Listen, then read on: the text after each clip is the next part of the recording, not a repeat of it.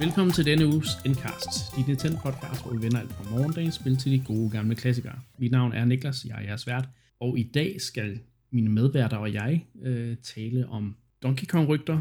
Vi skal tale om måske en ny feature i Animal Crossing. Vi skal snakke lidt om Metroid Prime Trilogy. Så skal vi snakke lidt om en E3-app, og så er der selvfølgelig også et retro-segment. Og som sagt er mine medværter med mig i dag også. Hej med jer, Mark og Anne. Hej, hej. Hej. Ja, jeg kan jo øh, også lige sige, at vi har jo ikke, jeg sagde jo ikke, ikke, at vi skulle snakke om nogle spil, det er simpelthen fordi, at der har været for travlt øh, med andre ting til at spille Switch-spil i den her uge. Øh, men sådan er det jo nogle gange, men så er det jo godt, der er masser af, af rygter og nyheder, vi kan snakke om. Ja, travlt og travlt, altså det, der er jo ikke sket det helt store på øh, udgivelsesfronten den. Ej. seneste uge, vel? Altså, Men du har travlt med The Longing, tænker jeg, stadigvæk, Mark. Ja, jeg er stadig lidt, øh, lidt i gang med The Longing. Nu er der 40 dage tilbage, så nu, Ja. nu nærmer det sig for alvor, at vi kan, kan røbe den store hemmelighed, eller hvad vi nu skal gøre. Men øhm, det er i hvert fald spændende at følge med. Ja, Nej, altså som jeg sagde, der er jo ikke sket det helt store den Ej, seneste uge. Altså når, når højdepunktet, øh, har man lyst til at sige, på udgivelseslisten her i, i denne her uge, er en, øh, en, en lommeregner-app til sin Switch, så, øh, Ja. så går bølgerne ikke højt, må man Nej, sige. det gør det ikke. Ja, altså, Jeg ved ikke, om I så det, jeg refererer til. Det blev lidt et meme i ugens løb. Øh, den Ja. her Calculator-app, og der kom alle mulige teorier om, at det var et, i virkeligheden et spil i forklædning, som bare sådan en lommeregner, men jeg tror, at de fleste har kunne konstatere, dem der har hoppet på i hvert fald, at det, det er bare en lommeregner til sin Switch, man kan, man kan købe inde på e-shoppen til den nette sum af 67,5 kroner. Noget jeg lige at se, inden vi uh, gik på her Ja, det er lidt specielt, vil jeg sige. I en Ja, ja, så- verden, hvor de fleste af os har en smartphone, hvor lommeregneren jo typisk bare er inkluderet, eller man kan hente et uh, væld af gratis lommeregnere. det er meget Nintendo move, må man, må man indrømme. Øhm, Ja, det er så ikke dem, der har produceret den, vel, men de har Nej. jo så bare udgivet den, eller... Man Ja, vil nok, man vil have sådan en slags app til en konsol, ikke? Ja, jeg tænker også lige der, ikke, at man midt i sin... Øh... Det kan selvfølgelig være, at altså, man sidder til sin øh, matematikeksamen og skal bruge en lommeregner, og så finder man sin Switch frem, og så kommer, hvad hedder det, øhm, øh, prøvesagkyndig, hvad hedder sådan noget, prøvevagt, eksamensvagt kommer hen og siger, hvad, hvad er det for en øh, dims, du har der? Jamen, det er altså min lommeregner. det vil være så har man jo en, så har man jo en reel øh, lommeregner-app, man lige kan fremvise, og så kan man jo så skifte over til The Longing, eller hvad man ellers har gang i, mens øh, man sidder til eksamen. Ja, Ja. Spøg til side. Der er ikke sket det helt stort. Nu sker der jo så noget her til, til næste uge. Ikke? Nu får vi de her, øh, dem glæder mig til, de her øh, øh, Detective Famicom-spil. De udkommer øh, i morgen, og det er jo så samme dag, som I måske lytter til podcastet her, men øh, de udkommer i hvert fald ikke. Det, Mm. dem, er, dem er jeg spændt på. Jeg er blevet spurgt, om det, det var noget, jeg måske skulle streame eller spille, eller noget den stil. Og jeg har, så, så siger jeg altid, så, som jeg er sådan set ikke til visual novels. Men mindre det er Ace Attorney. Øh, som vi så også snart, rimelig snart, får noget, øh, noget mere af. Ikke? Så, så det er, Jamen, det her er jo forfædrene, kan man nærmest sige, til ja. Ace Attorney. Ikke? jo, det er rigtigt. Så, men øh, jeg, jeg tænker ikke, det er lige noget for mig. Øh, men vi, vi må se, vi må se, øh, hvad, om jeg springer på noget. Jeg har jo haft svært ved at springe på, på spil her på det sidste, men sådan er det. Nå, skal vi øh, snakke om lidt, lidt nyt, der er sket i ugens løb? Øhm, en af de, måske den største historie, det er det her rygte, der er kommet frem, øh, øh, som, som fortæller, at der er simpelthen er et nyt Donkey Kong-spil under udvikling af selveste øh, de udviklere, der øh, altså den, den udviklingsafdeling, der har lavet øh, Super Mario Odyssey. Øhm, og det får ikke i hvert fald mine, mine øh, sådan ører til at st- ører til at stå på stilke, det hedder det ikke. Det, det fik min, min opmærksomhed, vil jeg sige. Fordi øhm, jeg, jeg er jo sådan varmet mere og mere op til Donkey Kong-serien i det hele taget. Jeg har ikke spillet så meget af de gamle. Men så har jeg spillet det der Donkey Kong 94, det der puzzle-platformspil, der er lavet. Og så har jeg spillet det øh, Donkey Kong Tropical Freeze, og sådan set begyndt at blive ret vild med, med nogle af de der spil. Så jeg meget spændt på at se, hvad de her, de her geo øh, gutter fra, ja, fra den her division kan, kan diske op med. Ja, det er et spændende rygte, synes jeg, og det har jo fået... Altså, der er jo flere, der ligesom har, har, øh, har sluttet sig til øh, mm. forskellige kilder, der har øh, diverse, hvad hedder det, insider-viden, har sluttet sig til og ligesom givet det her rygte noget, noget substans, eller hvad man skal sige. Ikke? Ja. Øhm, så det, det lader til, at, den er, at, at der skulle være noget om snakken. Ja. Og øh, det er jo interessant, Donkey Kong har jo ikke været lavet in-house siden øh, Jungle Beat til, øh, til Gamecube, og det er jo det er jo nærmest små 20 år siden, har man lyst til at sige. Så, øh, så det er jo spændende, at, at hvis, hvis Donkey Kong, og det, altså, den er jo formentlig hævet tilbage, fordi at øh, de gode Retro Studios folk har jo gang i et vist andet projekt, vi ønsker at snakke om her i programmet. ja. og, øh, og derfor så er der jo så nogle andre, der skal lave Donkey Kong, og det har de jo så nogen erfaring med in-house, men jo ikke sådan super meget erfaring med, heller ikke i de senere år. Og det er jo spændende, som du siger, Niklas, hvis det er øh, det her øh, team, øh, eller den her afdeling, der hedder Nintendo EPD, altså Nintendo Entertainment Planning and Development, som er den største ja. afdeling i Nintendo øh, internt, øh, udviklingsafdeling. Ja. Og øh, det er jo, at de står bag nogle af de helt store heavy hitters, ikke, som du sagde, Odyssey selvfølgelig. Øh, de laver Splatoon 3, ikke? de lavede Bowser's Fury, de laver alle de her Animal Crossing for den sags skyld. Laver de her helt store first party releases, ikke? Hvis ja. de sidder og, og laver et, et, et Donkey Kong-projekt, som det her rygte taler om, det, øh, det synes jeg er rigtig spændende, selvom jeg jo elsker Retro Studios, især Tropical Freeze. Mm. Deres Donkey Kong-spil helt vildt meget. Altså, det gjorde, jeg er jo en af dem, at det gjorde mig egentlig ikke noget, øh, at, at, at de lavede et nyt Donkey Kong øh, Country-spil i, i stedet for Metroid Prime, eller, eller sideløbende med Metroid Prime, må man hellere sige. ja. Ellers bliver man uvenner med nogen. Og, øh, det, altså selvom jeg elsker de spil, så, øh, så, så er det jo klart, at, at, at sådan et kapabelt team her, hvad kan de komme op med med Donkey Kong? Rygtet siger jo også noget med, at, at det jo så ikke, formentlig ikke et, øh, en, en del af Country-serien, fordi det er ligesom ikke, det er ligesom ikke deres egen, altså det er jo en, en, en serie, som, som Rare fandt på, ikke, uh, way back på Super Nintendo-dagene. Og, og når Nintendo ligesom så selv skal lave et Donkey Kong-spil, så skal det også ligesom selv være deres egen deres eget koncept, deres egen øh, franchise i franchisen, kan man nærmest kalde det. Ikke? Ja. Øh, det taler rygtet om. Så det, det er meget spændende. Ja. Helt klart. Øh, og altså, der er så, om det bliver 2D eller 3D, det er der så det usikkerhed omkring. Der er vist flere kilder, der er sådan lidt, hvad, hvad, hvad bliver det? Det, det, det, det er ikke helt sikkert nu, men altså, lige meget hvad, som du siger det er et virkelig kapabelt uh, team, der står bag uh, i så fald. Og det skal nok blive skideskægt. Altså, det, uh... Jeg ja, kunne dog skulle, godt tænke mig et 3D på en eller anden måde. Altså, det, det, det er længe siden, vi har set et 3D i Donkey Kong. Ikke? Så. jo. Det er meget længe siden. Der har vel kun været et, rigtigt. Ja, hvis ikke man tæller Diddy Kong Racing, så... ja. Ja. Ja, altså, så er det jo Donkey Kong 64, ikke? Jo, mm. Og øhm, ja, det, der kender vi alle sammen. Vi havde det jo for nylig i mm. retrosegmentet, og det, det er jo ligesom en, som vi snakkede om der, jeg synes jo, det er lidt, det er lidt underkendt for, for mange af de ting, det gør godt, øh, fordi det ligesom er den her collectathon mm-hmm. øh, katastrofe, som, som mange ligesom har udråbt det til, men øh, det kan helt sikkert nogle ting, men ja, ja det gør, altså igen, Donkey, altså, jeg er egentlig hip som hap, om de laver det ene eller det andet, ikke? Altså, det bliver jo formentlig hvis det bliver 2D, bliver det jo formentlig en af de her 2,5D, altså hvor spillet er egentlig i 3D, men du kan ligesom kun bevæge dig. Ja, øh, så ikke vi får en, øh, højre, ikke? en Donkey Kong 94 øh, re, redo, eller hvad man skal sige, en, en ny udgave, eller en sequel. Det vil komme også, noget bag på mig, især fordi det, det er jo blevet sin egen franchise, ikke? Jo, det er rigtigt. Det er jo blevet sin egen franchise, de her Mario vs. Donkey Kong, ikke? Så... Ja, som jeg tror også, at det, det, det desværre blevet lidt, lidt dårligere med årene, ikke?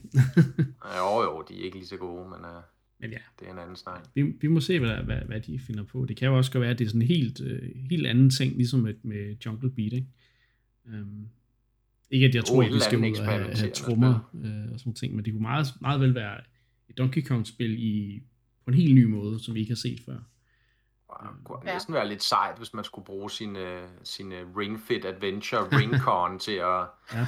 om, at mose tønder med, ligesom øh, Donkey Kong der, så skulle man mose ind på ringen for at Ja. knække tønderne. Der er nogle idéer der. Til et moderne jungle beat. Mm, ja, Ja, det vil godt Ring nok være beat. alternativet. ringbeat.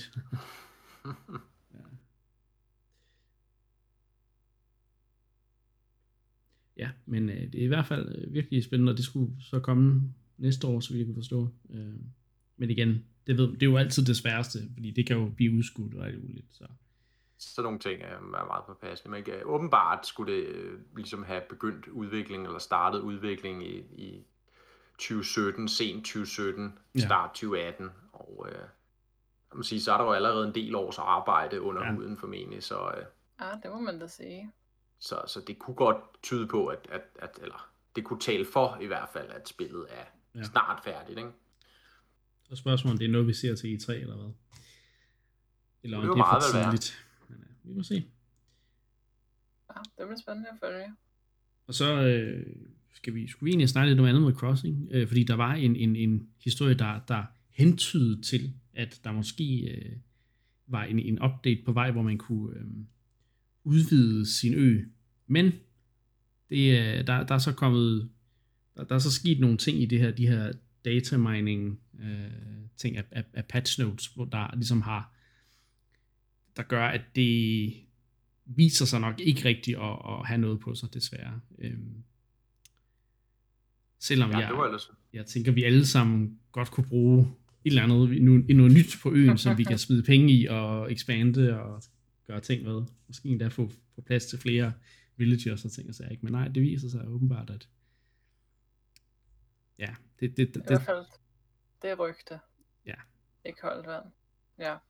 Jo, men Øh. hvad, hvad, hvad gik det i det hele taget ud på? Altså, det var noget med, øh, jeg så, du skrev det i ugens løb, Anne, det var noget med, at man kunne, altså, der, der skulle komme større øer til spillet. Øh, var ligesom Ja. det, man mente ud fra det seneste datamine, at, at, at der skulle komme Mm. større øer til spillet. Hvilket egentlig er stusset lidt over, fordi at, øh, det er ikke sådan det første, jeg tænker, at spillet ligesom har behov for, at vi kan, vi kan, vi kan altså, lave en endnu større ø. Øh, så vil jeg egentlig hellere have, at der var nogle flere, igen, vi har snakket om det før, nogle flere aktiviteter, nogle flere ting på selve øen, øh, der kunne, Mm. mm. der kunne gøres Det- anderledes. Men, men bare have Mhm. mere terræn og boldre sig på, det, det vil jeg ikke personligt have specielt meget behov for. Men, øh, det, Altså, det der er vel... kommet fra, at der er nogen, der har skrevet, at der er noget med noget, øh, der, der er en værdi, der hedder South Shore Baseline, der så er, var blevet, hvad hedder det, øh, forøget, sådan så fra fra 500,00000 til 1000,000 et eller andet med, at der på den måde måske skulle være mere plads øh, til nogle ting, ikke? Mm. Uh, så, men, men det viser sig, så der, det, der er en lang øh, forklaring inde på Nintendo Live om, at der det er det, det, det er simpelthen bare en værdi, der hele tiden har været i spillet, men som først sådan øh, der, den ligesom er, der, der har været noget med noget testing og ting og sager, hvorfor den er blevet ændret. Um, Mm. men der er ikke noget, der, der, der sådan viser sig, der er ikke noget, der, der, peger på, at der kommer en eller anden form for update, der gør det her, desværre. Så Nej, Det men det er- ville jo en, altså, jeg, jeg synes, det ville være et oplagt update. helt sikkert, Ja. helt sikkert. Altså, man, kan jo sige, hvad jeg også snakkede om før, at det er jo et spil, der kræver enormt meget sådan arbejde, for at man kan ligesom lave noget, der er flot, ikke? Og lige så snart man kigger på internettet, så har man, skammer man jo så over det, man selv har, må man sige. Ja. Og, og på en eller anden måde, så tror jeg bare, at, der er en masse mennesker, der sidder derude og egentlig føler, at deres ø er sådan færdig. Øh, altså vi har de forskellige områder, der er jo altså også kun et begrænset antal af sådan forskellige sådan øh, møbelsæt, eller hvad vi skal, hvad vi skal kalde dem indtil videre. Ikke? Altså de fleste mennesker, så har de en japansk have med alle de her japanske bambusting og, og så videre, og så kan man have et strandområde og noget grillområde og sådan noget.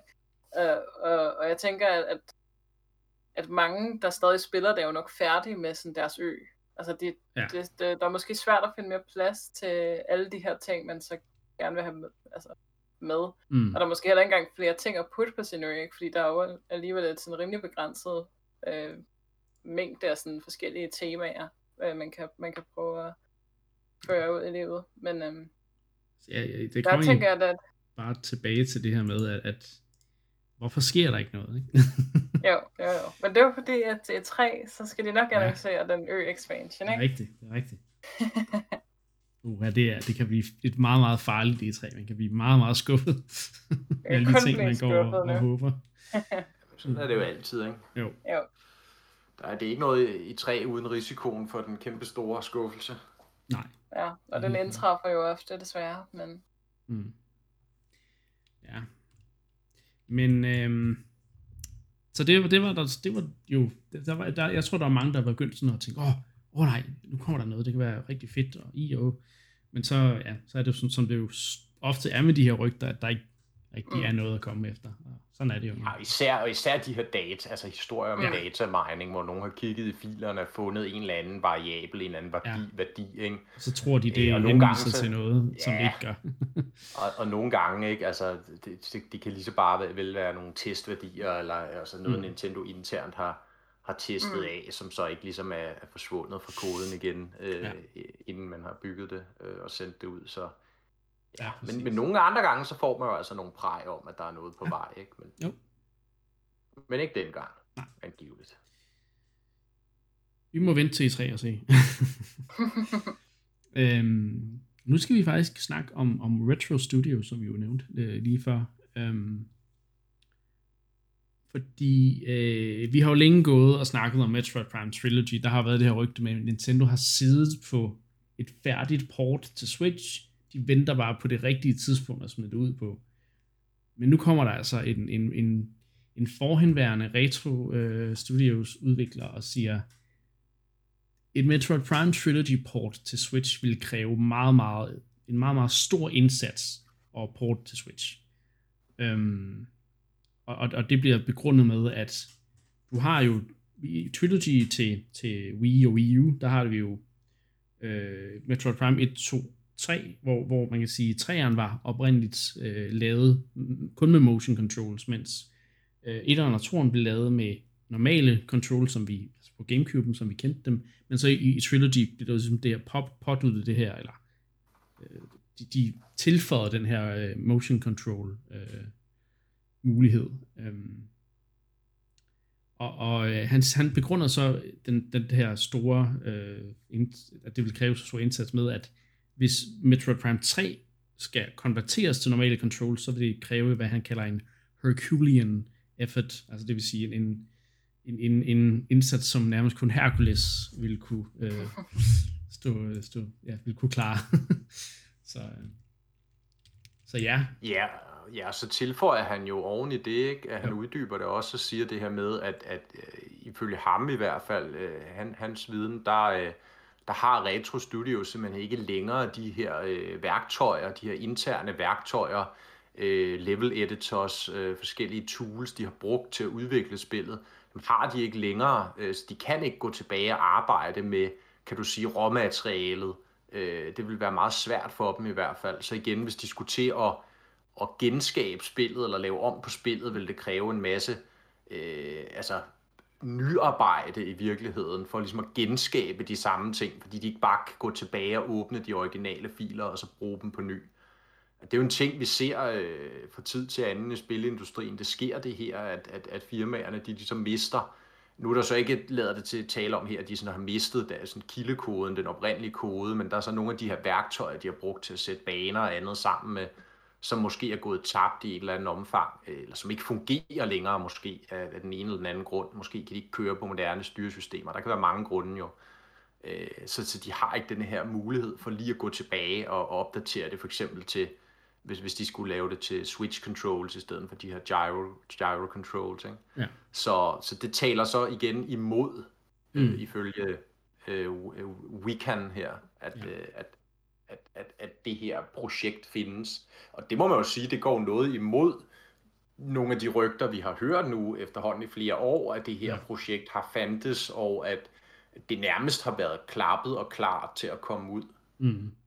Så, så det er jo ligesom en, en sætter lidt en dæmper torn i på. øjet på det, ikke? Ja.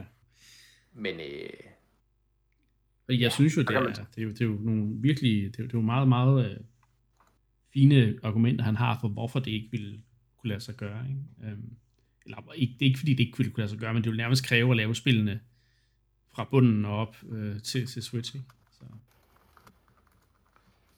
ja, i hvert fald øh, vil det kræve en del mere indsats, end, øh, end bare at porte det som andre, nogle af de andre spil fra Wii U til Switch. Ikke? så. Ja, lige præcis. Og, øh, men så kan man så også sige, altså omvendt, han, han arbejder ikke længere hos Re- Retro Nej. Studios, vel, så, mm.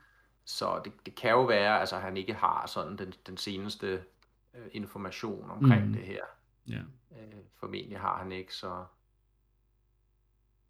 Jeg tænker også, det, er, altså, det der med, at det vil kræve en stor indsats, så det er ikke også noget...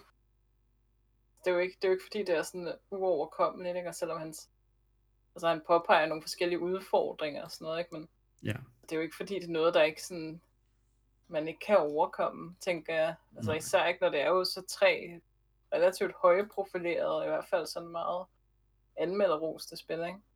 Mm. Som, altså, så jeg tænker lidt, det bare er sådan en, en lidt random sådan uh, ex-developer, der måske... Ja, altså det er jo kommet frem på på en anden øh, Facebook-side, øh, hvor han så har, mm. har nævnt, øh, altså, hvor der er en fan, der som har sagt, at ja, kunne det være fedt at spille Metroid Prime Trilogy på Switch, hvor han så har svaret med, at det så han ikke som værende muligt. Han er meget skeptisk over for, for det, og så mm. Men altså, nu må vi se. Det, det kan jo være. Ja, ja, ja. Altså, jeg, jeg, vil, jeg, jeg siger stadigvæk, at jeg kunne virkelig godt tænke mig at spille de oprindelige spil igen på, på en ny mm. platform i, i en, en HD-port. Uh, øhm. Ja, det, det er altså, jeg, jeg, jeg, jeg tænker ikke, at det, det ændrer mine sådan forventninger til, at det, det, den trilogi nok skal komme. Altså, det kan godt være, at det så har været ja. en stor indsats, men... Jeg er sikker altså... på, at der, der kunne være masser af fans, der sidder derude, som ikke rigtig helt måske har spillet uh, Metroid mm. Prime-spillene ordentligt, fordi de, de har været for unge, eller måske ikke lige har fået spillet. Og, ikke havde altså, det, det ville være en perfekt måde at, at, at, at cementere et marked for, for firen, ikke? Um, Præcis, ikke? Og altså, vi kan jo allerede regne ud, altså så stort profileret et spil som Metroid Prime 4, det er og kommer til at blive, altså så vil det jo kunne sælge sig mange millioner eksemplarer, altså bare fra navnet og omtalen, ikke? Og så sætte en, en port ud, som måske har været en større indsats end andre porter, whatever. Øhm, altså der vil jo også kunne komme op og sælge altså måske halvdelen bare, ja. eller en tredjedel af hvad ja. altså fireren vil kunne sælge. Ikke? Altså, jeg kan, jeg kan ikke andet end forestille mig, at det ikke er god business det her, at lægge den indsats. Det er i hvert fald også, også, hvad kan man sige, hvis de vil have Metroid Prime 4 ud, og det skal sælge bedre end Metroid-serien har solgt den, så må de jo også på en eller anden måde skabe noget mere hype omkring serien, tænker jeg. Ikke? Altså, at, ja, at se, vise folk, at det her det er altså nogle kvalitetsspil, og der er altså noget om snakken. Det er ikke bare øh, en masse Metroid-fans, der sidder og sukker på øh, de her entusiastforer. Mm. der, er, altså, der er en grund til, at de har valgt at lave firen, ikke? Øh, og valgt at annoncere den. Øh, de må jo tro på, at, at, at den her serie kan nå øh, i hvert fald mm. nye højde, ikke måske ikke de samme højde måske, som Zelda og Mario har gjort på Switchen, men altså måske komme lidt deroppe af, ikke? Jo, jo, præcis. Ikke? Ligesom jeg har set med næsten alle deres franchise. Ikke? Vi hører jo gang på gang det her med, at det, det er det bedst sælgende spil i den her franchise, ikke? Når, når det er kommet på Switch. Så. Og se, hvad Fire Emblem, det, at det kunne gå for at være meget niche til at være en af de mest populære serier. Ikke? Så. Jo, præcis. Ikke? Og så når man også bare tager, altså, øh, altså når man tager det med, at de har brugt altså utrolig mange penge på Metroid Prime 4 allerede, ikke? Altså, mm. Altså genstartet ja. en helt udvikling, ikke? Altså der, der tror man virkelig på et projekt, vil jeg sige, ikke? Ja, det må, det må og, man sige. På, på en serie. Så er der jo Men... det her aspekt også, ikke? Som, som vi lidt er inde på, altså hvis, hvis serien ligesom skal på, på en eller anden måde på en eller anden måde, så føler man jo lidt, at den skal ligesom genfødes på Switch og til, til, til det her nye publikum, der er hoppet med på den her konsol. Ikke? Selvfølgelig sidder mm. der de de gamle røvhuller, har lyst til at sige, som, som os og, og husker den serie. Ikke? Men, men der er jo mange nye, som I er inde på, der ikke har stiftet bekendtskab med den. Øh, og samtidig er der de her fans, som, som, som, som råber og skriger på det her spil. Ikke? Så, så mm. der skal på en eller anden måde være noget til at binde bro imellem det. Ikke? Også fordi man kan sige, de har jo valgt at kalde det, i hvert fald hvad vi ved af indtil videre, øh, Metroid Prime 4. Ikke? Så ja. igen, hvis man er ny til serien, så er det sådan, nå, hopper man bare lige på en 4, altså hvad mm. med de tre første? Ja. Det vil man måske så også gerne spille, ikke fordi de på den måde, altså lad os være ærlige, det er så vigtigt at forstå øh, historien ind, i, ind imellem, selvom der er noget, noget sammenhæng selvfølgelig. Ikke mm. super vigtigt for et spil som Metroid, så, så meget storytelling er der trods alt heller ikke. Men, øh, Men alligevel, ikke? Det er jo mange Alligevel. mennesker, der har den der, det der behov for at spille noget i den rigtige rækkefølge, ikke? Ja, så kan man i hvert fald sige, så kan man gøre det, ikke? Altså, så, Mm. så det er ikke en undskyldning for at lade være, så at sige. Så Mm. kan godt være, at folk alligevel vælger bare at spille 4'eren, hvis det er den, der ligesom får al den positive omtale, men, men så er der jo ligesom muligheden også for noget mere salg Mm. på Mm. Trilogy. Hvis Og det kommer igen, øh, altså, det er, som du siger, Mark, de, de kaldte det for Metroid Prime 4 på, på til den der E3 øh, øh, Direct, ikke? Så, altså, jeg, jeg, jeg tror, at det får et andet navn. Jeg tror, det hedder, det hedder Metroid Prime, og så en undertitel, ikke? Men altså, stadigvæk, mm. så, så er det blevet brandet indtil videre, som værende en, en direkte efterfølger, Mm. ikke? Til, til, så det, det giver, det, det vil være meget svært, tror jeg. Øh, altså, det, det vil være, være, være lidt at skyde sig selv i foden, hvis ikke man på en eller anden måde prøver Ja. at, og, og, og give folk mulighed for også at se, hvad der ellers er i serien. Ikke? Mm. Øh, Men øh, nu Men vi altså, det, er se. sjovt at, det er altid sjovt at høre fra sådan insiders, Mhm. mm-hmm. altså få en eller anden form for indsigt fra, fra deres sådan, karriere, ikke? og det er jo ikke ofte, at sådan nogle ting på den måde sådan slipper ud, eller hvad vi skal sige. Nej. Det er jo Men først altså til mange for- år senere. Ikke?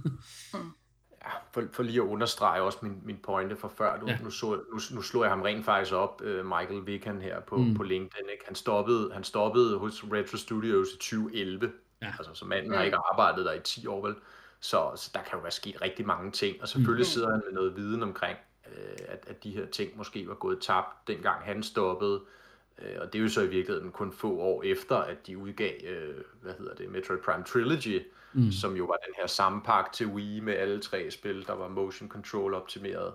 Ja. Øh, men, men, der, men der kan jo ske, hvad er sket alverden sidenhen, ikke? Mm. Så, så igen, man skal tage det med et græns salt.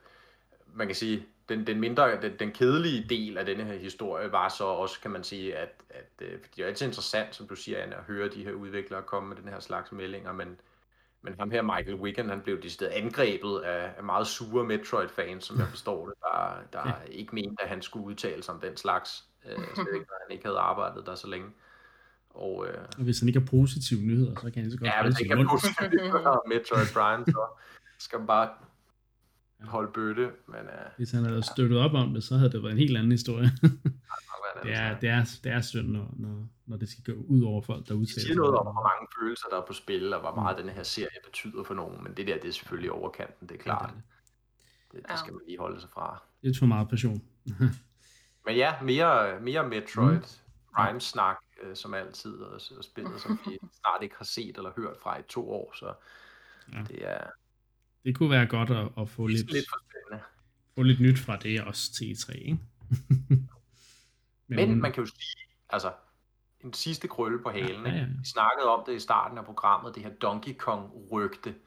Ikke? Og der kan man sige, i hvert fald, hvis ikke, hvis det er sandt, så laver Retro Studios jo ikke Donkey Kong. Nej. Så må de jo lave Metroid. Altså, hvad, hvad laver de ellers? Og man, vi ser jo også alle de her opslag til folk, der bliver hyret decideret til Metroid Prime, ikke? Så... Eller hvad? Eller er det bare til Retro? Det kan jeg ikke engang huske, om der står det specifikt. det er på, Niklas. Jeg, jeg Ja, tror ikke, der nej, står til nej, et specifikt det er rigtigt. projekt. Det, det er bare os, der læser imellem linjerne. Ja. Men siger, er det der er en, en Call of der? Duty. Øh, det er officielt jo, at, at, at, at Retro arbejder på Metroid Prime 4, men igen, om de stadigvæk gør det, det er jo det, der er det helt store øh, spørgsmål, ikke? Mm. Om det er Ja, blevet Vaporware eller, eller hvad. Men igen, det, er det, det, det viser jo, som Mark siger, det peger jo på, at hvis øh, deres interne division laver Donkey Kong, så laver Retro nok ikke Donkey Kong. Og, og så laver de højst sandsynligt stadigvæk Metroid Prime øh, 4, ikke? Med mindre Star Fox Grand Prix er fundet frem fra gemmerne og bliver poleret og gjort klar til release. Ja. En gammel kending af programmet. Det savnomspundne spil. Ja, spillet du holder i live. Stadigvæk. Falske rygte. jeg ikke. Der, kun- det findes kun hos mig.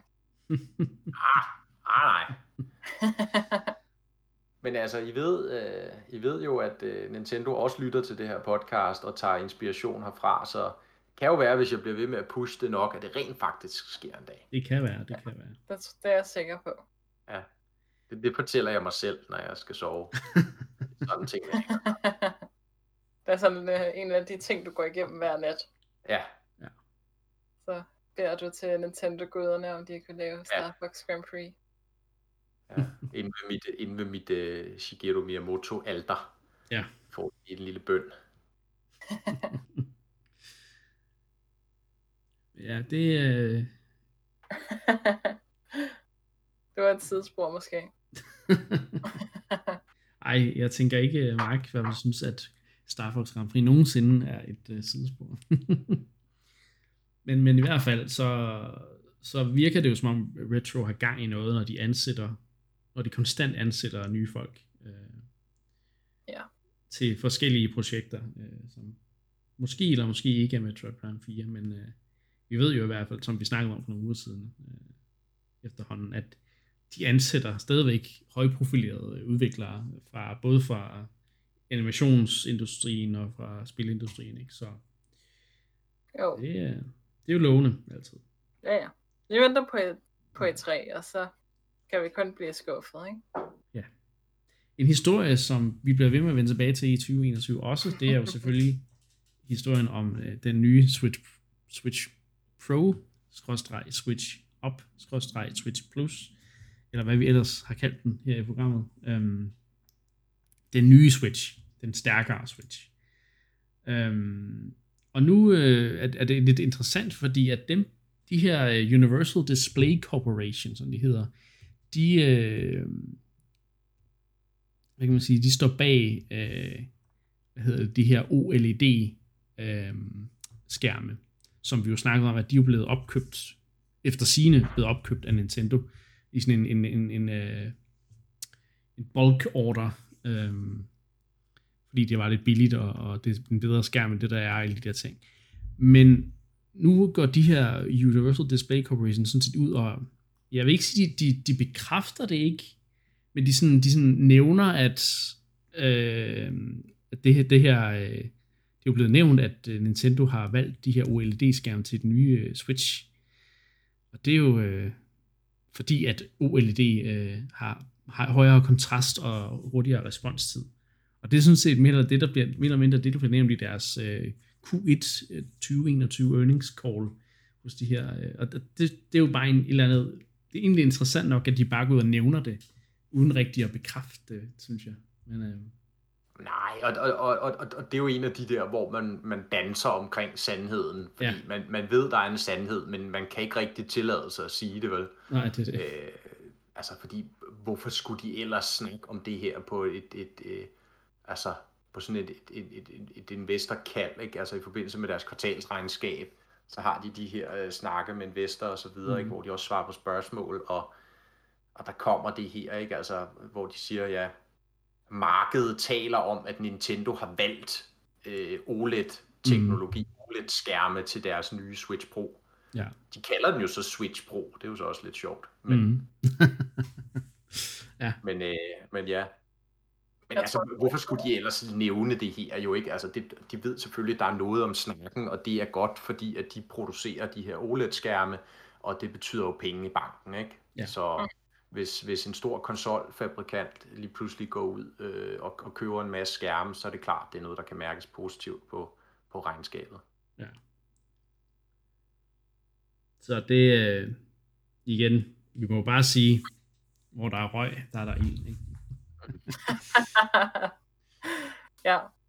Der, der må være nogle... Altså, hånden, må jeg sige. Vi, vi har så mange kilder, der efterhånden peger på, at det her, det sker. Det er næsten kun Nintendo, der selv skal nævne, at det, det kommer til at ske, ikke? Eller der bare skal annoncere den, sådan set. Fordi vi ved jo godt, de, de siger jo ikke noget, før de er klar til at lave et, øh, en presse, ja, en eller anden form for annoncering til pressen, og mm øh, så videre. Ikke? Det, hele, det hele skal jo spille med producenter og med supply line og med branding og så videre. Så det er sådan set nok bare det, vi går og venter på, og de, de venter på den rigtige timing. Ikke? Så i tre. Det er da super spændende. Altså. Jeg, jeg glæder mig da helt vildt til, hvis, hvis, når, den, når den kommer, må vi mm. hellere sige, når den kommer Switch Pro'en ja. med en OLED-skærm, at øh, det glæder jeg mig virkelig til at se, fordi at øh, Ja, det er jo ikke en skærmteknologi, Nintendo traditionelt har brugt, men altså vi kender den jo fra for eksempel mobiltelefoner. Hvis man havde, hvis man var en af dem, der havde en, øh, en PlayStation Vita, det har jeg ikke selv haft, men jeg har prøvet den øh, hos nogle kammerater, og den havde jo en OLED-skærm også, og mm. øh, det så altså virkelig fedt ud, når man spillede øh, håndhold på den, med ja. den der virkelig sådan rige farve øh, gengivelse og en høje kontrast. Og, Ja. ja. Så det, det bliver lækkert, at de kommer over på den skærmteknologi, tænker jeg. Mm. Øh, I stedet for det der sådan lettere udvaskede LCD, de har haft kørende på, på 3DS. Og, øh, Ja. Jeg synes egentlig, Switch-skærmen er ret fin, men, men, men stadigvæk er det, det, det, kan det blive endnu sikkert bedre. at gå på, på OLED, det vil jeg sige. På, I hvert fald på sådan billedkvalitet. Ikke? Så jeg ved, jeg er med på, at der kan være fordele og ulemper ved begge teknologier, men altså, Du skal bare have dem til at lave en, en, en solid uh, Joy-Con uh, revision, og så, uh, så kører vi. Ja. Men ja, så det, så det er igen bare for at sige, jamen, uh, det sker. Det sker før eller siden. Um, ser det ud til. Ja. Vi afventer med spænding og er klar til at lægge vores penge så snart, at Ja. ja. øh, ja, det er muligt. Ja, det er, det er, også, øh, er det også en E3? Mm, Tror du jeg, også, at det er en ja, E3? ja, eller? ja, ja, det hele kommer på E3. Der er både uh, Switch Pro uh, annoncering, den kommer om tre måneder, nej, eller det ved jeg ikke engang, men den kommer på et tidspunkt. Øh, ej, det, det kan også igen, jeg, jeg er i tvivl om det er for tidligt med den. Men, øh, men lad os Ja. bare sige, lad os bare, lad os bare antage på, lige, lige nu, at det bliver det sygeste E3 nogensinde. Vi får øh, Ej, der bliver altså bygget godt op her. For der er release date og øh, bygget godt på, op. på, Match, ikke, undskyld, på Breath of the Wild 2 med en Switch Pro øh, udgivelse, der er øh, Metroid Prime 4 footage, vi får Animal Crossing, kæmpe update, øh, flere Zelda, mere, mere Zelda-fejring, øh, jubilæumshalløj. Ja, jeg, jeg tænker, det bliver den helt store. altså, jeg er mere på, øh, at Zelda får release date til 3 ja, en gang i efteråret, slut oktober, start november vil være mit Mm. bud. mm, Og vi så ser øh, Switch Pro'en blive annonceret halvanden måned inden det. Det vil være mit bud. det lyder også, øh, det lyder, det lyder mere, øh, hvad kan man sige, øh, afdæmpet end min, øh, ja, ja, ja, det hele sker til E3, men det tror jeg nu heller ikke. Det er sådan en, en hvad nu hvis vi fik det sygeste E3 øh, i mands minde. Og, og det, jeg synes, der er rigtig hårdt, ikke, det er, at vi har jo allerede fået annonceret de her øh, virkelig, virkelig smukke Joy-Con med øh, selv, altså, hvad hedder det, der er Zelda-themed fra Skyward Sword, Ja. Som jeg jeg selvfølgelig allerede har pre- pre-orderet, så fangirl-agtig er jeg. Øhm, men det kunne jo være super dejligt at få en Switch Pro, der er Zelda-themed også. Altså, det vil, Okay. jeg, det vil jeg lige sige. Det er rigtigt. Det er aldrig lykkedes mig at få sådan en af de der Zelda-themed, altså 3DS'en havde nogle virkelig flotte Mm. Zelda-themed konsoller, Wii U'en havde en virkelig flot Wind Waker. Hver gang begår jeg den samme fejl ved ikke at købe en. Og så sidder man og, og fortryder det nu, ikke? Ja. Så den her gang, så håber jeg altså, at... Vi har jo snakket det mange gange, ikke? Det er jo den, det bedste spil til at sælge en konsol, ikke? Det vil give så meget mening at lave The Ultimate Bundle, ikke? Og lige meget hvad den koster, så vil jeg skulle købe den. ja. Det, det, jeg synes, der bliver rigtig spændende, jeg, jeg hælder jo, øh, det, det tror jeg ikke kommer nogen som overraskelse, jeg hælder, jeg hælder mere til Annes Ja, teori ja, ja. her. Øh, Det gør jeg sådan er set også, det- men, men jeg, jeg holder håbet i live for alle de tre øh, hype, hype øh, Du kører, du kører hype-toget, Ja. ja. ikke? Det, det er mig, der, er, er det er mig, der er, hvad hedder det, lokomotivfører på hype-toget. Ja, ja, det er sgu i orden. Hvad hedder det? Nej, det jeg, det jeg er spændt på, ikke? det er jo som sagt, fordi jeg, jeg, tror, jeg, tror, øh, jeg tror på Annes model der, og, øh, Ja. Og, øh, og det der jo så er spændende, det er, lad os så antage, at vi ser noget fra Breath of the Wild 2 Mm. mm. sommer her om en måneds tid, er det jo allerede. Ja. Øh, der er jeg meget spændt på at se, altså det videofeed, der kommer, det vi ser fra spillet, om det er på en eller anden måde en sådan, øh, hvad kan vi kalde det, sådan high resolution ja. version. Altså en, hvor man ligesom kan regne ud på antallet af pixels, på antallet, altså på opløsningen i spillet, om den måske er afviklet på noget pro-hardware af en eller anden art. Ja. Fordi det, det ser man nogle gange, det her, at, at når de så, fordi udvikleren vil altid gerne vise spillet ligesom sådan i den bedst mulige version. Ja. Og hvis der ligesom er en pro-version af det her spil, hvilket er meget oplagt at tro, ikke? Som, som, som vi har snakket om mange gange, det bliver formentlig bundlet eller launchet samtidig med øh, Breath of the Wild 2 øh, kommer den her Switch Pro på markedet, ikke? Og, øh, og, og så er der jo formentlig en eller anden form for understøttelse med noget, noget bedre grafik, en højere opløsning, øh, flere frames, et eller andet. Og vil, vil, vil man se noget til det, så at sige, i E3-materialet, mm. hvis mm. de viser noget for Breath of the Wild 2? Nok ikke, men det er jo klart, der bliver jo virkelig sat fod i rygterne, hvis der lige pludselig kommer en, ja. en, en trailer, trailer, der er lige ud, end, end det man ligesom kan regne ud, vil kunne lade sig gøre på en almindelig Switch. Ja. Det, altså, det tror jeg er 100%. Og så vil vi alle sammen sidde der, og alle de her mennesker, der lever af at lave sådan noget content, hvor man sidder og analyserer, hvor mange pixels der er på skærmen, de vil finde ud af det her med, det må være afviklet på noget andet end en Switch, vi vil alle sammen sidde og hype det op, og nu kommer broen og så videre, og Nintendo vil jo bare sige, vi har ikke noget at sige, eller vi har ikke nogen annonceringer om nye konsoller, og så vil alle fansene, altså, det er jo den værst holdte hemmelighed, den her Switch Pro, ikke? Altså, det kan vi jo se med alle de rygter, der kommer frem.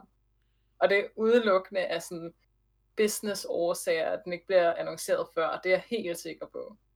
Så, så jeg, vil, jeg tror, at de vil komme til at vise det fra, fra altså spillets flotteste side. Um, ja. Og så kan vi sidde her og igen og snakke om, nu må den så komme, ikke? Uh, men, ja. men altså, alt andet for mig vil ikke give mening. Hmm. Nej, jeg, jeg glæder mig bare til at se den high resolution trailer nu, så det, det, det er tilføjet til uh, hype-toget. 4, 4K, 4K Breath of the Wild 2 trailer kan ja. godt skrive på, Niklas. Så ja, men jeg vil sige, jeg vil gerne være passager på det tog. Skal vi så ikke lige holde os til E3 og snakke lidt mere om det, fordi uh, der er kommet uh, noget nyt ud omkring den her E3-app, som der kommer til at være tilgængelig under i det digitale E3 i år. Øhm, og, øh, og det, det synes jeg er meget spændende, fordi at øhm, udover at det er her, man, altså nu kan man jo virkelig kunne se, altså, at de rent faktisk tager det her med det digitale seriøst, ikke?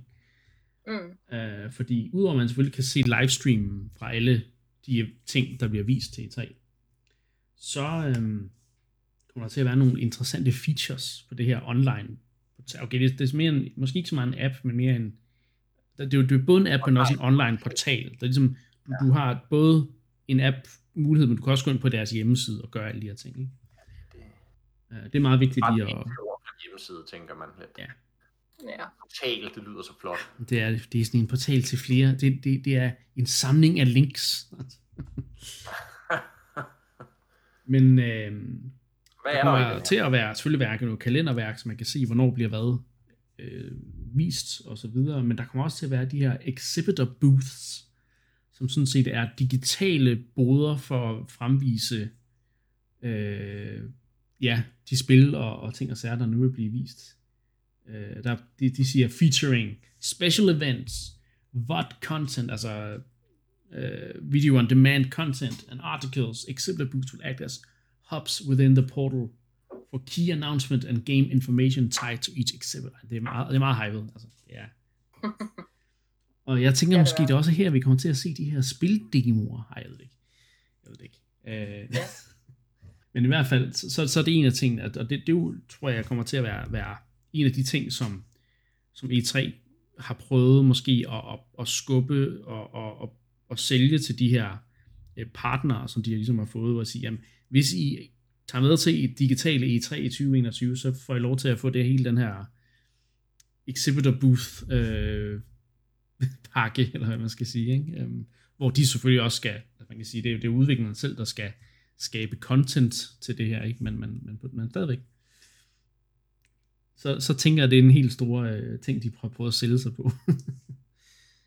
ja, det, det, det der, det der, det, jeg synes, det er, det er lidt, igen, jeg synes, det er lidt spøjst, altså, fordi det her med at lave online portal og alt muligt andet, altså, det, det lyder sådan lidt som, altså, som, som øh, internettet anno, hvad skal vi sige, 2003 eller sådan noget, altså, i dag har vi jo de her sociale medier, altså YouTube, og vi har Twitch og streaming-platformer og alt muligt andet, hvor vi jo ved, at udviklerne alligevel vil pushe deres content, ikke?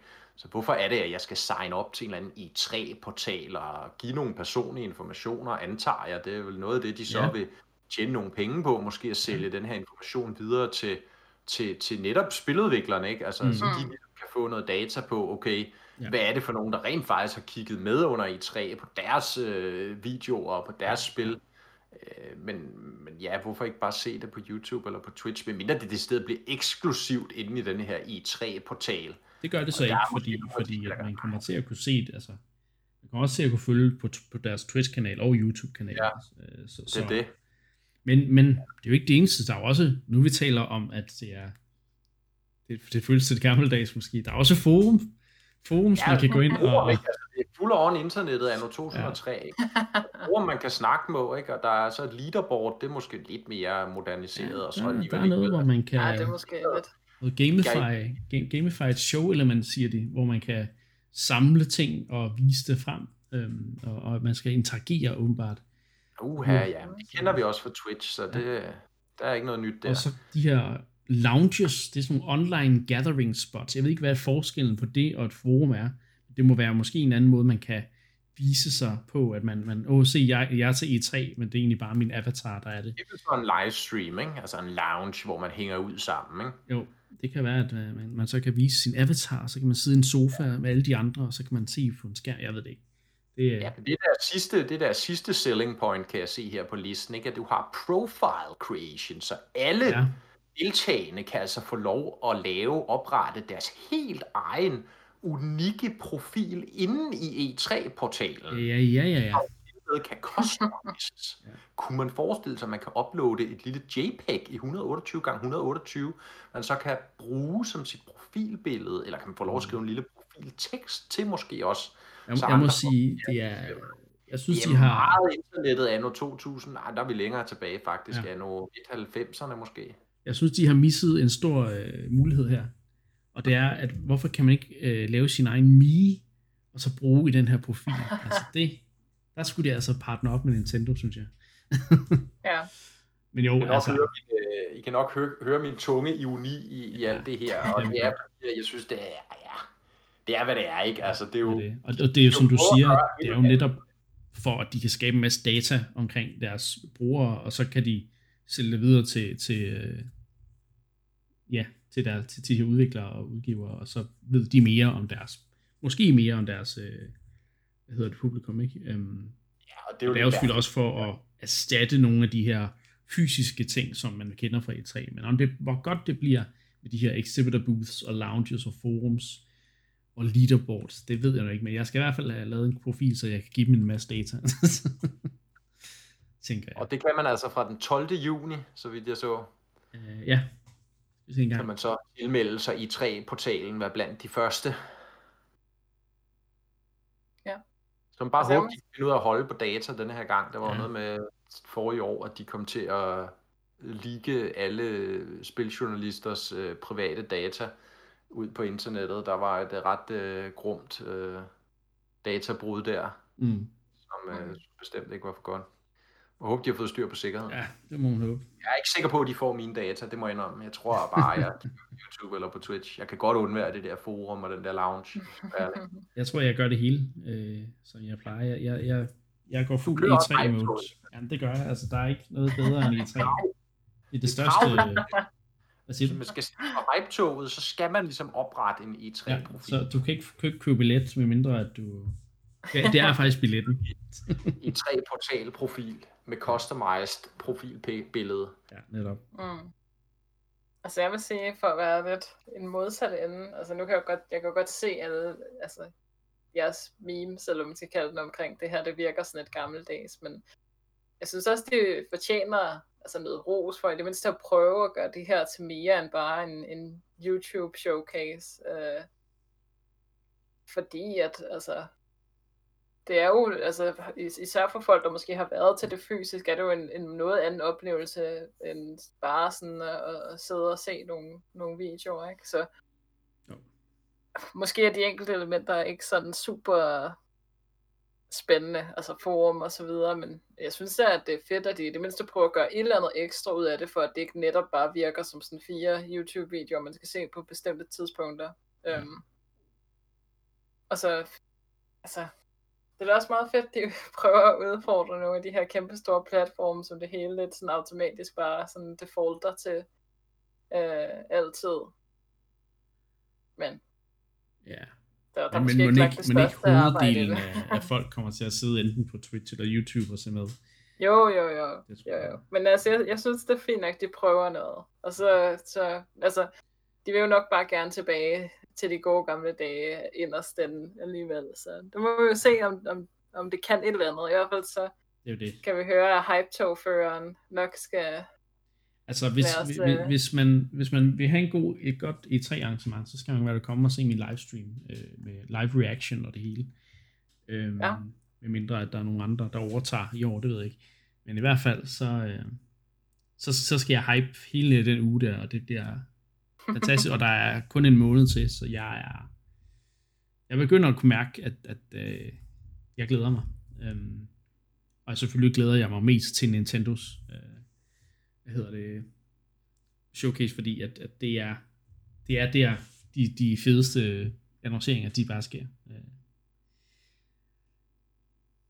Og det Ja, kan jo kan selvfølgelig man også være, at man bliver grumt skuffet, men, men hypen er det hele værd. Jeg siger det bare. ja, det er jo forventningsglæde, der er den største, ikke? Ja. Så jeg skal nok se med. Mm. Og hvor er det, man ser det henne? Det er selvfølgelig på Endclubs øh, Twitch-kanal, som er øh, twitch.tv-endclub.dk ud i et, uden nogen bindestreger eller noget som helst. Fedt. Så kan, der er jo også mulighed for at diskutere og debattere med dig. Helt sikkert, helt Altså- sikkert. Øh, der bliver både noget opvarmning og, og, og noget reaktion, og så selvfølgelig lidt snak om det bagefter. Men jeg vil selvfølgelig også gemme meget af mine, mine teorier og ting og sager. Og det, det, kommer også, fordi man skal jo lige tænke det hele igennem, og så får man rigtig mulighed for at høre i Endcast, hvad vi alle tre men, egentlig mener om den her øh, E3-video, som vi jo ikke ved, om er en General Direct endnu, vel, Mark? Øh, om, om den, øh, hvad, hvad vi synes om den. Ja. ja, vi er ved at sælge skinnet, inden bjørnen er skudt. Det må man sige. Ja, det skal selvfølgelig tages med et, med et No, nogen i programmet er. ja, vi ved godt, du sidder klar. Du sidder klar til den næste podcast efter et træ med det største smil på læben og sige, hvad sagde jeg? ja, Men det er en risiko, jeg er villig til at løbe, fordi jeg, jeg, jeg tror på det her. det er jo skønt, at vi har, øh, har forskellige synspunkter øh, i den her sag, så øh, Det gør det Ja. hele lidt sjovere. det gør det altså. Det, øh. Men ja, øhm, vi har stadigvæk et retro-segment, vi skal gennemgå i dag, øh, og det er faktisk et spil, øh, du har foreslået, Mark, som jeg faktisk fuldstændig har glemt, men som jeg har spillet ret meget. Øhm, og øh, her taler vi så om tennis fra, øh, det er sådan set fra 1984 oprindeligt øh, til NES. Der er også en Game Boy udgave, øhm, som mere eller mindre, øh, så vidt jeg ved, er, er mere eller mindre en til en. Øhm. Og hvor mange har, her har spillet tennis? Jeg går ud fra, at du har spillet det, Mark. Jeg har også spillet. Hvad, Ejne, har du, har du prøvet kræfter med det her? Jeg vil sige, at øh, jeg skal da ikke kunne øh, afvise, at jeg har startet op på en, en eller anden Nintendo-platform en gang og konstateret efter fem minutter, at det var det nok hører fortiden til. Åh, det synes jeg var en hård dom.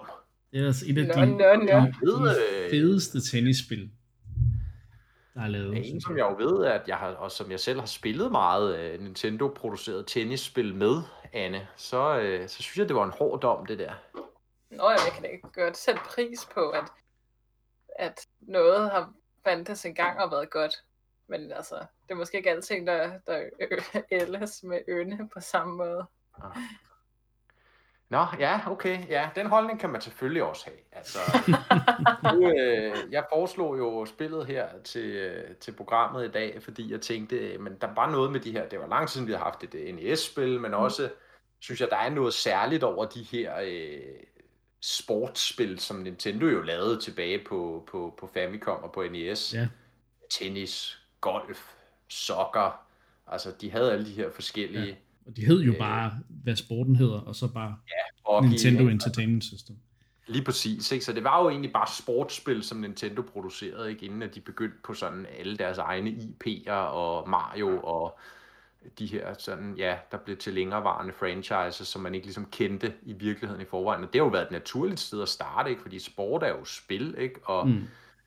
at det gav jo god mening. Men, men jeg valgte så tennis, fordi at i min mening i hvert fald, at det er måske det bedste af dem, eller et af de bedste af, af de sportsspil der. Der er meget stor forskel øh, på kvaliteten af dem, ja. men øh, tennis synes jeg virkelig er, er et spil, der, der, øh, der, der, der holder i et eller andet omfang, ja, på grund af sin simplicitet i, i gameplayet. Altså, jeg kan stadigvæk finde på, når de genudgiver det på, senest var det jo så NES Online-biblioteket, kan jeg stadig finde på at hive det frem og spille en halv time til en time, eller et eller andet mod CPU'en, fordi jeg synes, der er noget grundlæggende øh, tilfredsstillende i gameplayet, mm. og igen, det er den her sådan forsimplede tennis ja. øh, simulation af det jo i virkeligheden, men som jo stadigvæk har en, en del dybde og en del nuance, på trods af, at mechanics ja. er meget, meget simple. Man kan bevæge har... sig over hele banen, og man kan ja, både lave almindelige skud, men også lave lobs og så videre. Så det, ja, smash og... og ja, altså, smash var lige at finde ud af, hvordan filen jeg lavede. Ja. Nej, det er også lidt tricky. Det kræver den anden lopper, og så kan du så smash. Nå, ja, det, nå, så har jeg fået, så har jeg prøvet det. Jeg kommer altid til at lop, og så blive smashet, og så tænker jeg, hvad, lavede, hvad fanden lavede jeg galt der? Ja, det. Er kun loppe det rigtige tidspunkt, når den modstanderen ja. er helt fremme ved nettet, jo, ikke? Ja. Så øhm, det er jo designet af Shigeru Miyamoto, øh, fun mm. fact. Øh, så man kan sige, han startede jo øh, der også øh, i sin tidlige karriere med nogle af de her spil. Og øh, nu kan jeg altså ikke huske, om han var, han har næppe været på alle sportsspillene, ikke? men igen i hvert fald med hans ligesom sans for, for godt game design, der er øh, tennis mm. jo i hvert fald faldet ud til den positive side, synes jeg. Helt sikkert. Og øh, så er det jo også en anden ting, der er værd at nævne, det her med, det er jo berømt for, at det har en, en, en cameo af, af netop øh, det, der jo så bliver Nintendos øh, maskot og ja. største spilfigur med Mario, jo ikke, der sidder i dommer, dommertårnet, har man lyst til at kalde det, dommerstolen, og, ja. og, med, og dømmer bolden ude, når man får skudt den ud over sidelinjen og så videre. Ja. Det var jo meget sjovt, kan jeg huske. Ja, det var jeg, jeg også meget betaget af, da jeg spillede det. Jeg spillede så Gameboy-udgaven, ikke? Men det er ja, det var meget betaget. Med, Niklas. Nå, ja. Det var den, jeg startede med. Så var det først senere, at jeg kom øh, tilbage og spillede NES-versionen ja. også. Ikke? Men som du siger, at i virkeligheden mekanisk, så spiller de ret ens, og ja. det er jo rimelig imponerende, især for Gameboy-versionen, jo, at den ligesom kan være med mm. øh, og levere samme gameplay som, øh, som, som Famicom. Så ja. Men du havde startet det op, Anne, og så gad du ikke spille mere? Nej, jeg er måske lidt for ung til at sætte rigtig sætte pris på det. mm. Det er jo ellers altså... et, et, et simpelt og let tilgængeligt uh, tennisspil. Ja, men så, så tror jeg, så vil jeg hellere bare uh, sætte uh, Mario Power Tennis eller nogle af de nyere mm. uh, installationer i Mario Tennis franchise. Der kan man jo også spille Yoshi, kan man sige. Det er jo også en stor opgradering, ikke? For bare at spille random dudes. ja, men har man Mario som, som øh, dommer der, det, det er jeg ikke, ikke, ikke så sikker på. Jeg tror faktisk ikke, der er en dommer, eller hvad? Ja, det kan godt være. Nej, det har du da nok ret i egentlig. Nej, der kan man jo så spille som Mario på ja, banen. så det er jo nok derfor, at han, han skal jo selv være med, så kan han ikke uh, dømme bolden ud. Der er åbenbart ikke nogen andre, der kan det i hele Mushroom Kingdom. Det, er der ikke, det, det er ikke, så det, det er bare at tro på, at øh, når Bowser han siger, at den er ude, så når han siger, at den, den ikke er ude, at man så må stole på ham og tænke, ja, okay, Bowser siger det jo, så må det jo være sandt. Men det er sjovt, fordi en, en anden anekdote, jeg har lyst til at fortælle ja. omkring tennis, øh, det her med, altså som sagt, jeg spillede det også først uh, Gameboy-versionen, øh, som, som jo også var rigtig populær og solgt rigtig godt. Mm. Øh, med, med god grund, ikke? Men, men jeg det var også huske, pakket med nogle Gameboy, altså der var, der var egentlig de her Gameboy bundles. Ja, ja, hvor du fik tennis med. Ja. Jeg, jeg havde så det med, med Tetris, men, men ja. ja, det var også den, det var den store jo, ja. kan man sige. Men, uh, men i hvert fald, jeg kan huske, jeg kan huske tennis der var, var et af de, altså man havde jo, det, det var ikke så mange Gameboy-spil, man havde, når man var ikke så gammel, og man kunne ligesom ikke rigtig selv købe dem, så man var afhængig af at jo, måske når man havde fået lommepenge i nok måneder og sparet sammen, kunne man købe et spil, ikke? og ellers så var det jo ligesom jul og fødselsdag, og så kunne man udvide sin spilsamling, så at sige, hvis ikke man kunne låne med vennerne eller et eller andet, men jeg kan da huske, at jeg kan så ikke huske, hvordan at vi fik tennis. Øh, muligvis var det øh, min bror, der fik det, eller jeg kan ikke huske, om det var mig faktisk. Nå, vi fik i hvert fald fat i tennis, jeg kan huske, at det var et af de første spil, du ved, hvor at jeg, ligesom, jeg var jo betaget af, da jeg var yngre, det er jeg jo stadig, men jeg var især betaget af Mario-spillene, de her spil, hvor man ligesom kunne komme ind i et univers, øh, der havde nogle sjove figurer og nogle baner, man kunne gennemføre og sådan noget. Det var, det var det virkelig fede, ikke? Og man skulle forsøge at nå øh, til, øh, hvad hedder det, slutskærmen og se credits, og ligesom, og så skulle man spille dem igen, ikke? Men, men, men tennis, kan jeg huske, det var et af de der første spil, hvor det var ligesom om, altså, man startede det op, og så, du ved, så trykkede man start, og så spillede man en kamp, og så sluttede kampen, og så var man tilbage på startskærmen, og så tænkte man sådan lidt, gud, er det bare det? Er der ikke mere i det spil? Ikke? Altså, der er ikke en ny bane, eller der er ikke ligesom altså, en, en slutskærm, eller et eller andet, vel? Øh, men, men så alligevel var det jo ret sjovt at spille, så jeg blev ligesom ved med at spille kampe, og ligesom mm. bedre og bedre oplevede også det der med ligesom at mestre nogle mechanics. Selvfølgelig kan man tale om i Mario, ligesom at du mestrer nogle mechanics, men det har mere det der fokus af, at du klarer banen. Hvor ja. at i tennis var ligesom en af de første gange, jeg havde den der oplevelse af ligesom at blive bedre til at, at, at bruge de helt grundlæggende mechanics med at slå til bolden med tennisketcheren, og som du siger, Niklas, loppe på de rigtige tidspunkter, og mm. smashe på de rigtige tidspunkter osv. Og, og det var jo ret svært. Altså, når man bare startede spillet op første gang, var det ret svært nærmest bare at sende bolden retur en enkelt gang. Ja. Og så var der jo selvfølgelig forskellige CPU-sværhedsgrader og alt muligt andet også. Så det, det var et ret svært spil, og den der mm. følelse af at blive bedre og bedre, jo mere man spillede, det kan jeg sådan huske, at det var en af de første gange, jeg ligesom prøvede det i spil. Og det er jo noget af det, som jeg senere hen er blevet meget, meget glad for, hvis netop spil, ikke? altså det her med at tage nogle øhm, svære spil, nogle mere komplekse spil, hvor du skal bruge noget tid og noget, altså undergå noget træning i virkeligheden for at, ligesom at lære mekaniksene, mestre dem, så du kan klare de udfordringer, der er.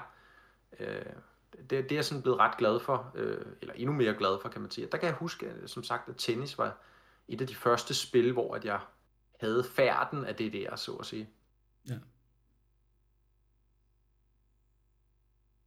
Jeg kan også, altså, det, det er meget, meget, altså, lige min oplevelse med det, at jeg, første gang jeg spillede det, de første par gange, der tænkte jeg bare, hold da op, det er kedeligt, det, er, det gider jeg, at man ikke har brugt samme tid på, men så bliver jeg ved med at vende tilbage til det, og, og, og så kunne jeg lige pludselig forstå nogle flere ting omkring, hvordan jeg brugte knapperne og skuddene, og, og begyndte rent faktisk at få point og vinde kampe, sådan det, nej, det var egentlig meget sjovt jo. så, ja. Så det, det er sådan et spil, jeg, jeg periodisk vendte vend tilbage til på Gameboy'en øh, en gang imellem, men, men det var ikke noget, jeg sådan spillede i lange perioder i gang. Det var bare sådan en lille tidsstræber en gang imellem. Lidt ligesom Tetris egentlig var, var for mig. Ikke? Øh, selvom Tetris så endte med at være lidt mere populært for mig øh, på det længere, altså på længere sigt. Ikke? Så, men ja, ej, virkelig solidt, øh, simpelt, men solidt øh, spil, som øh, virkelig viste øh, ja, hvad, hvad, hvor meget man kan få ud af, af et, et ret simpelt spil. Ikke? du spillede det ikke engang, Anne, i, uh, i Animal Crossing til Nintendo 64? Jo, altså det skal jeg jo ikke kunne udelukke, at jeg ikke har gjort. Eller Gamecube. Nej, til Gamecube. Ja, okay, men, øh, jeg har ikke spillet 64-versionen, det er rigtigt. um, ja. Men altså, det er ikke noget, jeg husker tilbage på, sådan som nogen stor definerende oplevelse ah. for mig. Nej. Ja, jeg er ked af det. Altså, jeg vil ønske, at jeg kunne lide det. Men det, det er nok bare lige en tand for gammel til mig, til jeg sådan rigtig kan sætte pris på det, ikke? Mm. Måske en dag. Måske en dag, ja. Nu er der egentlig ikke så længe, til vi skal gå i gang med et nyt sportsspil, men altså, det er meget sjovt at kigge lidt tilbage på med, med her Mario Tennis, eller Mario Golf, der kommer øh, senere på året. Men det er stadig meget sjovt at se lidt tilbage på de her, hvor, hvor startede de her sportsspil? Det er jo noget, der sådan set har været en del af Nintendos øh, katalog i mange, mange, altså nærmest siden de startede med at lave computerspil, ikke? Så mm. det er ret, øh, ret fedt at se, at de også bare bliver ved, og at det sådan set er en ret stor succes for dem, ikke? Så. Jo. Og ikke mindst fordi man så sætter Mario branding på. ja, han har overtaget de fleste sportsgrene, må man sige. Ja. Og så kom Wii Sports jo selvfølgelig tilbage, og ligesom også, det kan sige, det er nok også der, lidt, lidt der, man, man, man, de måske har fået noget inspiration fra til at lave den her sportspark, ikke? De, de som har vidst, okay, vi har lavet de her gamle sportsspil, mm. tennis og golf og så videre, og når det giver god mening at, at, at overføre dem til de her motion control spil, ikke? Så jeg, jeg tror helt klart, der også har været et, et lille nik til deres ophav der, ikke? Jo, det er en ja, rigtig god pointe, synes jeg, Niklas. Ikke? Øh, altså også fordi jo sport, jamen det er jo bare bredt, altså det er jo udbredt i samfundet, og de fleste kender de her øh, populære verdens sportsgrene, ikke? tennis, øh, fodbold og så videre. Ikke? Så der er ligesom en grad af forståelse, der allerede er på plads. Det kan virke nemmere at gå til og sætte sig ned og tage en controller eller en Wiimote, eller hvad det måtte være, og begynde at spille tennis, eller øh, golf, eller hvad det måtte være, end det er at, at sætte sig ned og spille et Mario-spil, eller et eller andet, hvor det kan være helt arbitrært, hvis ikke man ligesom er gamer på forhånd. Hvad er det, man skal? Hvad er målet? Hvordan styrer jeg? Hvad kan jeg? Og sådan nogle ting. Ikke? Mm, så. Ja. Helt sikkert. Så ja, tennis. En god gammel klassiker. Jeg er glad for, at du lige mindede om, at det eksisterede faktisk. Så jeg, jeg, har, jeg har ikke spillet igen her på, på Switch uh, online, hvor man jo også kan, kan tænde op for det. Så... Ja, der kan man spille rigtig mange af dem. Og de er jo også, hvad hedder det, de her, øh, det her japanske firma, der hedder Hamster, der ligesom har gjort det til en ting at udgive øh, de her gamle arkadespil også. Mm. Øh, Nintendo havde jo det her øh, Famicom arkadesystem i virkeligheden, hvor de udgav mange af de her øh, sportsspil også på, ikke? Så hed de det her Versus, som ja. for eksempel Versus Tennis øh, udkom. Der er også, også et Versus Super Mario Bros., men, men de her arcade øh, systemer, øh, som de udgav og solgte øh, tilbage i 80'erne. Og øh, ja, det var, nu tabte jeg tråden, men øh, det var i hvert fald sjovt at nævne, tænkte jeg. mm. Ja. ja. Det var jo sådan set øh, det sidste, vi havde på programmet i dag. Øhm, så nu vil vi jo se, hvad, hvad der, hvordan de her spil, der kommer de næste par uger, hvordan de, øh, de øh, kommer til at være, og, og igen, må ikke der kommer nogle flere rygter op imod E3, øh, så vi rigtig kan, kan sådan fylde hype-toget helt op, og ja, få alle med på, på vognen, og så kan vi alle sammen øh, blive skuffet sammen. Det, det glæder jeg mig rigtig meget til. jo, så, øh, helt sikkert. Men og ja. indtil da, så kan man jo glæde sig til Marks anmeldelse af Calculator næste uge. Mm. Det er... Ja. jo, okay, altså, ja. du, jeg ja, tænker, du, du kan jeg finde... Jeg har et travlt program. Ja. Skal til og må vi se, hvad man kan jo. Det er det. Ah, der er vel noget kvadratrod og ja. Gens og andet, man kan, man kan lege med, tænker jeg. Ja, man sikkert få, få, få mange gode sekunder. Addition og Jeg håber, du har regnestykkerne klar, så du øh, ved, hvad, hvad indholdet Jeg tænker, jeg må finde nogle gamle skoleopgaver frem, jeg så kan ligesom teste op imod lommeregneren, se, kan den, kan den rent faktisk det, den påstår, den skal. ja, ja. Det bliver spændende. Det glæder vi os rigtig meget til. Men ja, vi har oh. ikke mere... Ja, ja. Nej, nej, det er fint. Okay. Vi har sådan set ikke mere på programmet i dag, så øh, der er ikke mere at sige end tak, fordi du lyttede med, og så lyttes vi ved næste gang.